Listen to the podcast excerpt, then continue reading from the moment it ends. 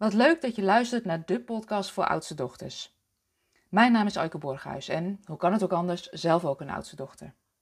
In deze podcast neem ik je mee naar hoe de plek als oudste dochter in het gezin nog steeds van invloed is, of misschien wel meer invloed heeft op jou dan je je nu bewust bent. Zowel de kwaliteiten als de valkuilen. In deze podcast wil ik je daarmee inspireren zodat je een keus krijgt. Kan ik die kwaliteiten nog meer inzetten? En kan ik misschien voorkomen dat ik af en toe in die valkuilen duik? Want wat oudste dochters met elkaar gemeen hebben, is dat ze vaak veel verantwoordelijkheid dragen en dat ook goed kunnen. Niet voor niks zijn veel beroemde wereldleiders en succesvolle ondernemers ook oudste dochters. Deze podcast is voor mij een ontdekkingsreis. Ik neem je mee en geef je een kijkje achter de schermen in mijn leven en werk. En deze podcast is ook ontstaan op basis van vragen die ik kreeg van klanten van goh, als ik dit nou veel eerder had geweten, dan had ik daar misschien al eerder wat mee gekund.